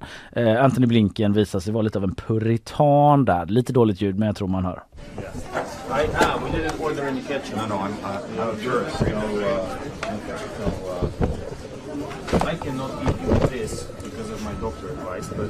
Mm. I'm a purist. Han äter du? ingen ketchup, ingen, han hittar inte ordet men jag antar dipsås eller så. Ah. Och eh, Kuleba bara, "Ah, jag kan inte äta det här för min doktor. Varför gick de till McDonalds från början? Jag vet inte, det kanske var en sån American food, eh, en kulturupplevelse. Ja, Sen eh, fortsätter blinken eh, och... Jaha, nej, nu skriver Emily här. Om man undrar varför de var på just McDonalds. Okej, Ukrainian Foreign Minister Dmitry Kuleba tackade liksom sin, tackade Blinken för att han var på besök genom eh, eh, get, ja, to get the fast food chain McDonalds to reopen in Ukraine after Russian Mhm. invasion. Okej. Så att eh, de har liksom fått hjälp med att få igång McDonalds igen då. Ja, Okej, men det var ju ändå, det var inte bara för att de älskade pommes då. För det Nej. verkar de faktiskt inte göra. Utan han liksom tackade Antony Blinken for helping to get the fast food chain McDonalds to reopen in Ukraine. Ja, här hade jag haft lite bättre på fötterna då men eh, jag fastnade mest för det roliga samtalet. Det Det, okej. fortsätter i alla fall med att Blinken då, ja vad ska vi prata om nu då? Han drar en liten story from back in the day. We had, uh, where I used to uh, live in Washington, we had a McDonald's around the corner. Very good bre- breakfast sandwich. Great story bra. Alltså gud vad hemskt det här är om jag hade varit sån. När jag var liten hade vi en McDonalds uh, där jag Mm. bodde och det var asbra frukost där. Oh. Vad Ja. var det då? Mm, kommer inte ihåg. Ja. Sen, eh, jag kommer fortsätta en liten stund till här. Är okej. Sen kontrar ukrainaren då Kuleba med en story eh, som är, verkar vara typ lite av en för het potatis för Blinken. when I was a student, my best hangover food was actually to go to go to Well McDonald's. done. I'm sure that was a rare, very rare. Very, very rare, of course. Ja, det var den bästa bakismaten. Blinken skrattar nervöst. Jag är säker på att det Han var... bara, jag har aldrig druckit något alla Ja, exakt. Det var säkert jätteovanligt att du var bakis, eller hur? Men Kuleba, han vill ändå liksom så här, han vill ändå berätta klart sin historia. But I would go to McDonald's and um, buy double cheeseburger, big Coke, and that would be my hangover breakfast. Alrighty then. Det är så sjukt ospännande. Ja, sen då eh, liksom eh, avslutar eh, roliga, roliga Blinken med sista kommentar. That's, that never happened to me, so. Alltså, han framstår ju som världens oskönaste person. Ja, men jag antar att skämtet är, han typ skämtar ju som att så bara, "Åh, jag har aldrig varit full. Typ, bla, bla, Men han låter ju inte som han skämtar. Nej jag vet men jag tror att det skämtet är det men det är ändå någonstans att han är så nervös för att det ska kunna uppfattas som att han har varit bakis någon gång i livet. Så att han ändå måste säga så här, "Ah, det har aldrig hänt mig. Ja, en liten inblick i liksom hur eh, de, eh, liksom tv- de tvungna samtalen som ska vara otvungna mellan två liksom, toppolitiker som samarbetar nära. Hur Mm. det kan låta på en McDonalds som alltså återöppnats i Ukraina. Beautiful.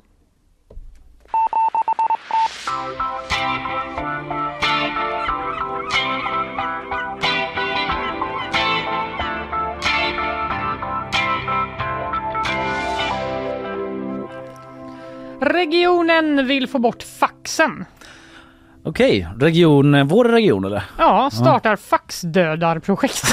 Står det på eh, SVT Väst här.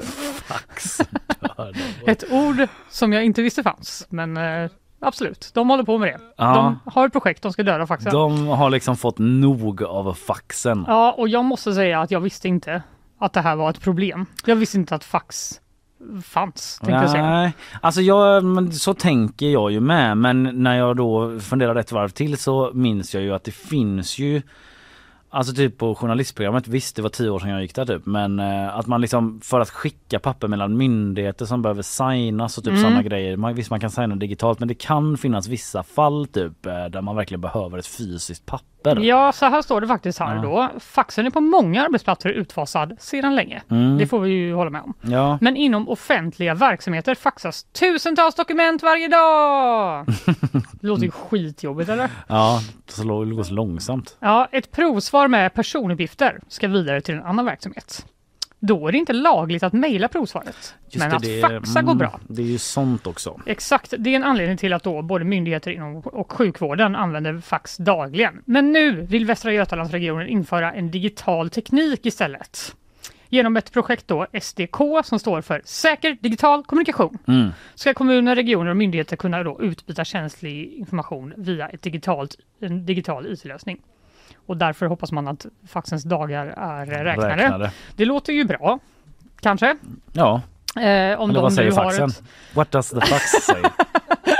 Faxen bara... Printar ut en sån bara. Save me. Exakt. Help me. Nej, men det som gör att jag tror att de kommer lyckas med det här är att de har en, eh, en person som heter Tore Johansson. Mm. Han är digitaliseringskoordinator på Västra Han har du stort förtroende för. Alltså han brinner så mycket för det här. Jag har Mm. tagit lite ljud här från SVT för att beskriva, eller för att illustrera Ja. vad, hur han känner för det här. Ja. Faxen är ju inget eh, modernt, inte säkert koncept alls. Det borde inte ha, va- vara så. Det här borde ha åstadkommits eh, för eh, ganska många år sedan. Ja, det kan man ju hålla med om. Det borde inte vara så säger han. Ja, det känns väldigt otidsenligt. Mm, han fortsätter faktiskt. Mm. Så här säger han. Egentligen har det med lagstiftning att göra. Det är inte lagligt för oss att hantera digitala kommunikation hur som helst. Faxen har hängt med för den ligger mittemellan liksom och är fortfarande okej. Vi ska bli bättre inom offentlig sektor och skicka saker till varandra digitalt, säkert och snabbt. Jag tror inte det finns mycket kvar av faxen i, vårt, i Sverige om fem år. Men det är SVTs goa. ja, det de hade gjort som inte är med här då är att de hade korsklippt mellan en person som jobbar inom vården och eh, står och faxar saker. Aha. Och säger så här, nu ska jag faxa det här pappret. Och så klipper de in eh, Tore då som bara, nej, det här, är- ska, det här, så här kan vi inte hålla på. En samtids, en framtidsman Tore. Det känns ju så onekligen som att han är inne på rätt spår här. Det känns som det för att eh, det är inte bara vården då som har hakat på det här, SDK.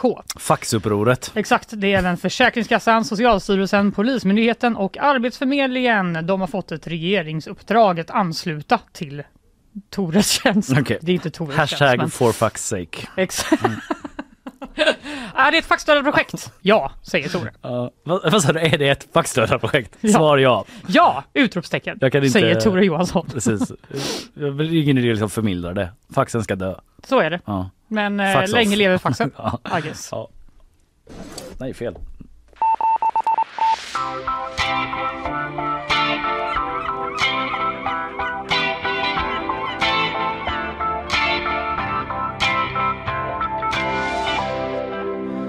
Igår pratade ju vår kollega Ina Lundström om eh, G20-mötet. Det hålls ju i helgen på lördag i Indien. Det börjar då i New Delhi och eh, hon var inne på då liksom att eh, Indien tar ju tillfället i akt att bedriva PR för hur toppen de är. De har ju redan landat farkoster på månen och det var också då att man skulle 70 000 blomkrukor tror jag det var. Nej 700, 700 000 blomkrukor skulle ut på stadens gator och det var liksom p- papp eh, skrämmande apor som skulle skrämma bort mindre apor. Och man liksom vill visa upp en fin trevlig bild av New Delhi helt Mm. enkelt. Och även var det så att eh, Modi då, premiärministern där, eh, vill, eh, ville liksom eh, Eh, alltså hans typ partis emblem hade liksom kuppats in lite grann Just Deras det. logga i liksom G20-loggan och sådär. Mm. Men eh, nu eh, eh, så är det dessutom så att namnet Indien har bytts ut i den officiella middagsinbjudan till deltagarna i G20-mötet. Eh, och det är då alltså inte Indien som står bakom den här inbjudan utan det är Bharat. Nu står det alltså inte Indien utan Bharat. Mhm. Och, ehm, eh, och presidenten Drupadi Murmu står det här. Eh, ja just det, för att Modi är premiärminister ja. Eh, omnämns också som president för Bharat. Vad falskt? Va? Varför ska Indien byta namn helt plötsligt?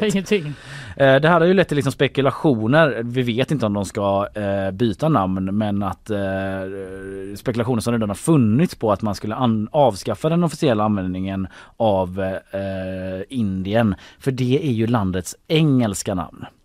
Och Modi och hans parti de är ju nationalister och liksom det är inte bara dem utan under många år så har liksom Indien, många i Indien olika regeringar försökt liksom att sudda ut spåren från den brittiska kolonialtiden. Ja. Som ju eh, ändade eh, 1947 då när man blev självständigt från eh, Storbritannien. Mm. Så man var trött på att eh, de ska kallas för Indien så här. Det är ingen här som säger Indien från Mm. början. Det var Mm. ni och nu är inte ni här längre. Då vill vi heta Bharat.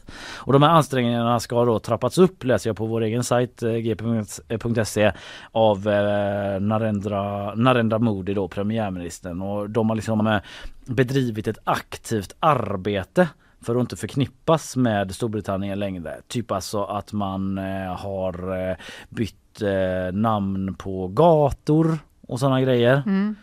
Och eh, även eh, från eh, liksom politiska institutioner och historieböcker och sådär. Man har liksom bytt namn på massa grejer för att man vill Mhm. liksom skala bort det här. Så bli inte förvånad om några år Fanny. Om jag ska åka på eh, semester till Bharat. Ah, Gud vad intressant. Ja, det hade Ja. man inte koll på va? Nej, verkligen inte. Nu har du det. Tack.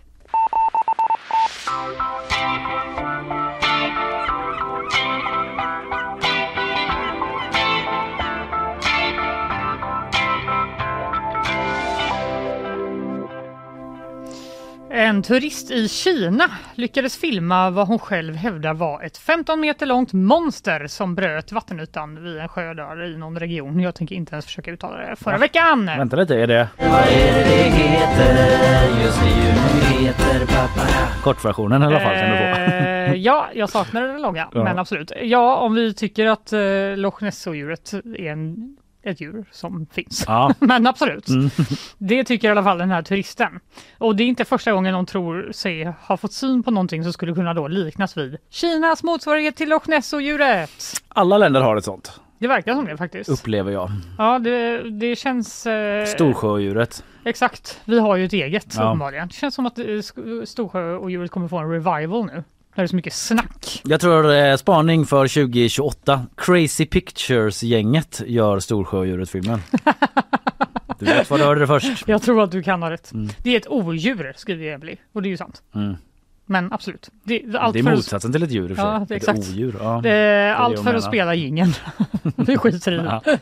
Eh, I alla fall den här kvinnan har berättat att hon promenerade runt sjön vid fyra tiden på eftermiddagen den 31 augusti när eh, något, något hon hörde, ja det står fel, när hon hörde ett plaskande ljud vid Mm. vattenytan. Mm. Än så länge inget konstigt. Nej, det är det som händer när man går vid en sjö. Plaskar till. Det kanske händer, eller så Finns fågel. Många tankar om vad det skulle kunna vara. Mm. Ja, eh, hon har lite tankar själv här. Hon säger till New York Post, först trodde jag det var ett fiskstim. Ja, Rimligt. varför Men inte? när jag tittade närmare så var det bara en lång silverfärgad varelse, berättar kvinnan. finns en bild här, det ser bara ut som en liten, liten våg. 100% en våg. Men eh, hon plockade fram sin mobiltelefon i alla fall och fångade varelsen på film. Eh, och enligt henne ska den varit 15 meter lång. Men eh, något djur som är längre än en meter ska inte finnas i faunan runt om eh, Tianqi-sjön. Nej. Så Märkligt. Hmm. Mm. Enligt kvinnan rörde sig varelsen i ett regelbundet mönster och simmade ganska snabbt.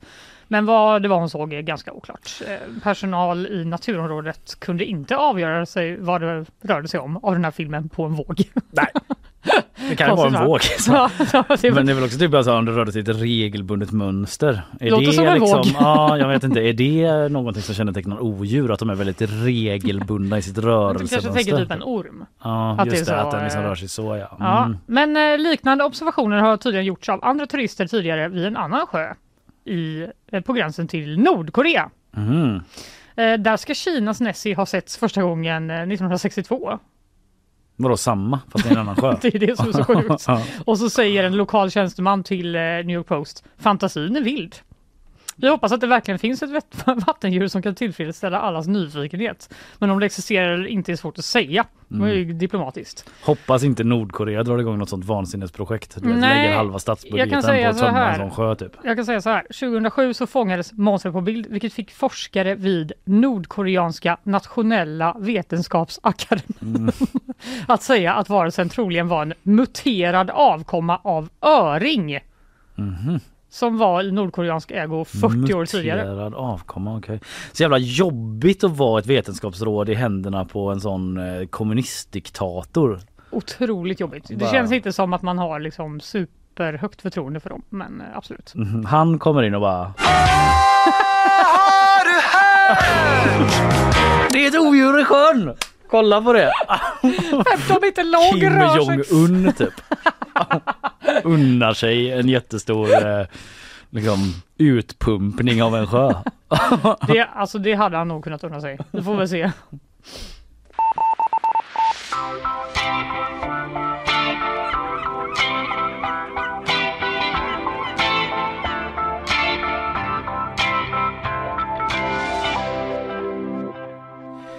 Vi snackade ju mat och mattrender här eh, förut. Anja Jelinek var ju inne på liksom, eh, ja, men så här vegoprodukter typ. Mm. Eh, Att det kommer många som är mycket bättre enligt Mm. henne liksom, som smakar gött och sådär. Mm. I Frankrike så finns det en diskussion om vegoprodukter. Man vill förbjuda köttnamn för sådana nu. Det har Jaha. varit försök på det tidigare men man har inte lyckats få igenom det eh, genom eh, domstolarna och sådär. Eh, och processerna, att det har röstats ner eller vad det nu kan handla om. Men nu försöker man ännu en gång att förbjuda köttiga namn. Och eh, hoppas att EU kommer acceptera det. Jag är så för det här. Ja, berätta. Jag, jag stör mig så himla mycket på, eh, alltså om man nu har valt att inte äta kött. Mm. Varför ska man liksom låtsas som att man äter kött då? Ja, Ja, it makes no sense. du låter som en köttbonde i Frankrike. Ja, Tack. det kan vara slut på vegansk skinka och växtbaserad stek läser jag i vår text på gp.se. Landets jordbruksminister i Frankrike, alltså Marc Fesneau, säger att man har kommit med ett nytt eh, dekret nu om att eh, man ska liksom komma med det här förslaget om för att man ska kunna hjälpa kunderna. Det är en fråga om transparens och ärlighet. Vi svarar mot konsumenters och producenters legitima förväntningar. Att man liksom inte ska lura konsumenter verkar vara huvudanledningen då. Till Mhm. att man tror att man köper något som, jag vet inte, påminner väldigt mycket om kött. Eller typ är kött. Nej. Men det tycker jag så här, är det så det är? Att man eh, köper en vegetarisk korv och bara känner sig lurad typ. Eller lite kanske eftersom det inte smakar som korv eh, nödvändigtvis. ja alltså nu har ju de blivit så sjukt bra till exempel de här burgarna. Det smakar ju typ kött. Ja, det gör alltså det kanske. Beyond Burger och sådana som Ja. blöder ju till och med. Men det är det jag stör mig lite på. Ja, Alltså jag förstår inte riktigt varför man skulle vilja ha en blödande en blödande svamp. linsburgare Ja. typ. Då kan man ju lika gärna äta kött. Det är den vägen man har valt. Eh, på listan, de har en hel lista då med ord som ska förbjudas på sådana produkter. Biff, kotlett, revbensspjäll, skinka och slaktare. Den typen av, eh, av ord ska bort. Det kan vara eh, något av det mer franska jag hört. Ja, Att det, brinna så mycket för den här frågan. det finns såklart de som inte tycker det här är bra. Nej, nej, nej, nej, nej. Ja men eh, man får kritik från flera organisationer för förslaget. Eh, Brigitte Gauthier från en djurrättsgrupp som heter L214 eh, kallar jordbruksministeriet för köttministeriet och att liksom så här, folk blandar inte ihop motorolja, olivolja och jojobaolja. Jag vet inte vad det är. Jojobaolja. Jojobaolja tror jag det är. Jojo, okej. Ja, skitsamma. Ja just det, jojoba, det blir skitsamma. Jag bara gör bort mig idag. Men eh, eh, sådär, då tror nog inte folk blandar ihop vegansk biff med vanlig biff. Eh, och så vidare liksom.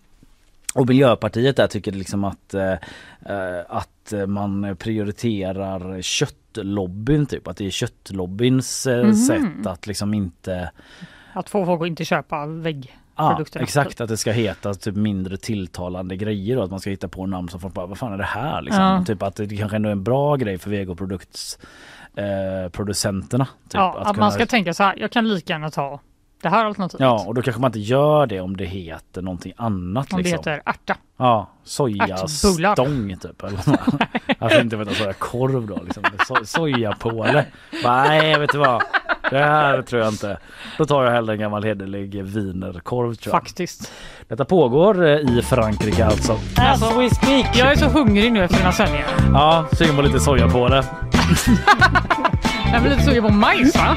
Jag är sugen på majs och potatis. Jag älskar ju majs. Bästa grejen i tacon Mm. skulle jag säga.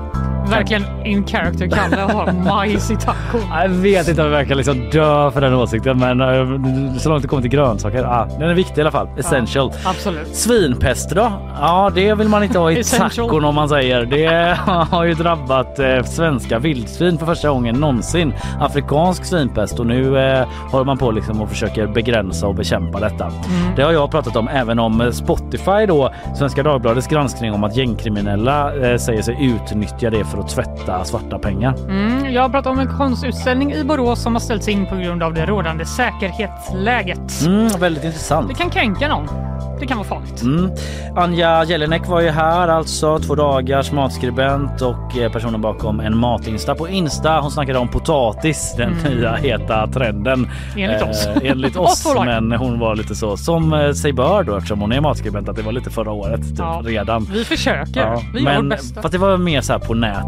Nu är det ändå fysiska restauranger. Ja, så exakt. lite rätt var det Det ändå. tar ju en stund att öppna restaurang va? Ja, det var mycket gott snack med Anja i alla fall. Det det kan var man lyssna på i podden som kommer här efter sändning. Eh, ASAP. Yes, och eh, följ oss på Insta. Där kommer lite olika eh, tips och grejer. Mm. Yes, hej då säger jag. Hej då! Ses imorgon. Ja.